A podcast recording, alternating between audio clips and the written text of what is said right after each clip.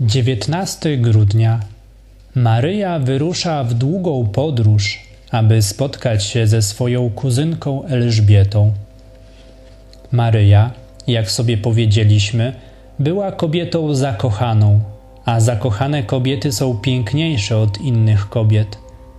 Była zakochana w Panu Bogu, a Syn Boży stał się dzieciątkiem w jej łonie – a nie myślcie sobie, że bycie zakochanym w Bogu to oczywista oczywistość, coś, co można powiedzieć o każdym, czy coś, co mija bez śladu w życiu człowieka, jak to bywa z zakochaniem się w mężczyźnie czy w kobiecie.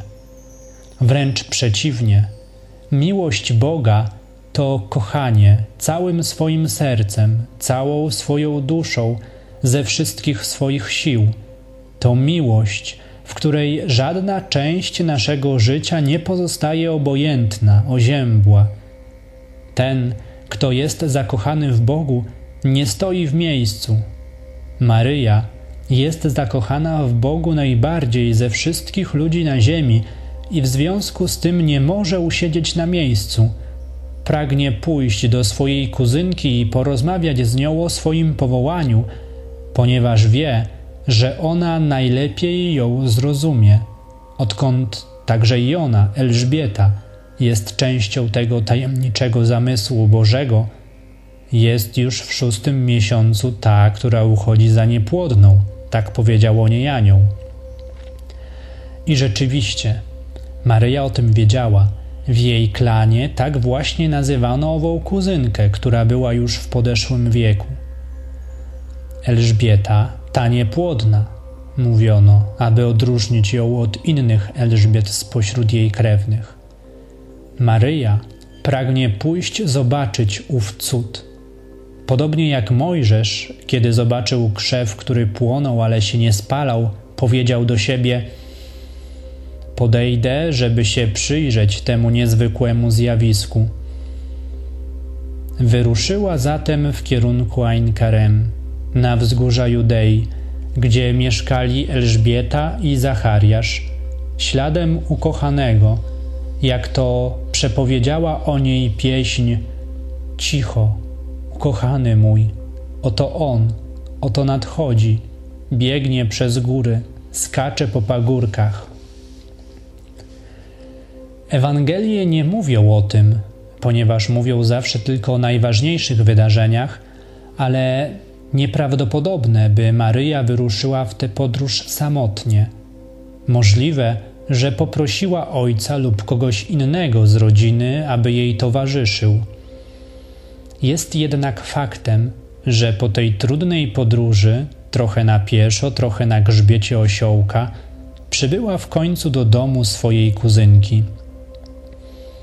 W owych czasach nie było telefonów, nie było maili, a nawet poczty, stąd przybycie Maryi było dla Elżbiety całkowitym zaskoczeniem.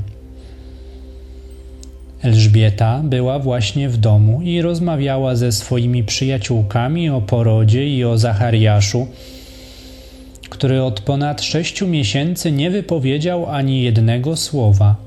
O nie miał z radości, mówiła przyjaciółka, z której zdaniem najbardziej się liczono. Właśnie w tym momencie oznajmiono jej, że nadchodzi Maryja. Wiesz, powiedzieli jej, córka Joachima i Anny, kuzynka z Nazaretu. Elżbieta, nie zważając na zdziwienie swoich przyjaciółek, pełna wzruszenia i z wypiekami na twarzy, powstała szybko, jakby nie chodziło o przyjazd jej dużo młodszej kuzynki, ale samej królowej Kobiety patrzyły na siebie zdumione, widząc jak Elżbieta wychodzi z domu poruszona wiadomością i spieszy, pomimo zaawansowanej ciąży, na spotkanie tej młodej dziewczyny. Nie śmiała się, nie żartowała, nie miała tego nastawienia, jakie miewają dorośli wobec nastolatków. Jej spojrzenie było pełne powagi i wzruszenia Błogosławiona jesteś, Maryjo, któraś uwierzyła. A skądże mi to, że matka mojego Pana przychodzi do mnie? Powiedziała i zaraz rzuciłaby się przed nią na kolana, gdyby Maryja nie objęła jej szybko i nie podtrzymała. Zaledwie usłyszałam Twój głos, poruszyło się z radości dzieciątko w moim łonie, wyszeptała Elżbieta Maryi do ucha. Stały tak, trzymając się w objęciach, a Maryja z głową opartą na ramieniu kuzynki, patrząc w niebo, rzekła: Wielbi dusza moja Pana i raduje się duch mój w Bogu moim zbawcy, bo wejrzał na uniżenie swojej służebnicy. Oto bowiem błogosławić mnie będą odtąd wszystkie pokolenia. Skierowały się w stronę domu, trzymając się pod rękę, ale to młodsza prowadziła starszą, wypowiadając wciąż donośnym głosem swoją berachę, błogosławieństwo tak piękną, że Elżbieta i wszyscy obecni nigdy jej nie zapomną. Weszły do domu, przyniesiono jedzenie. Przyszedł Zachariasz, kapłan, niezdolny wypowiedzieć słowa, przeciwieństwie do wiejskiej dziewczyny, która wyśpiewała Bogu cudowną pieśń. Upłynęło już wiele lat, odkąd w górach judzkich działy się te cudowne rzeczy, o których zresztą mówił prorok Izajasz. W ów dzień śpiewać będą tę pieśń w ziemi judzkiej.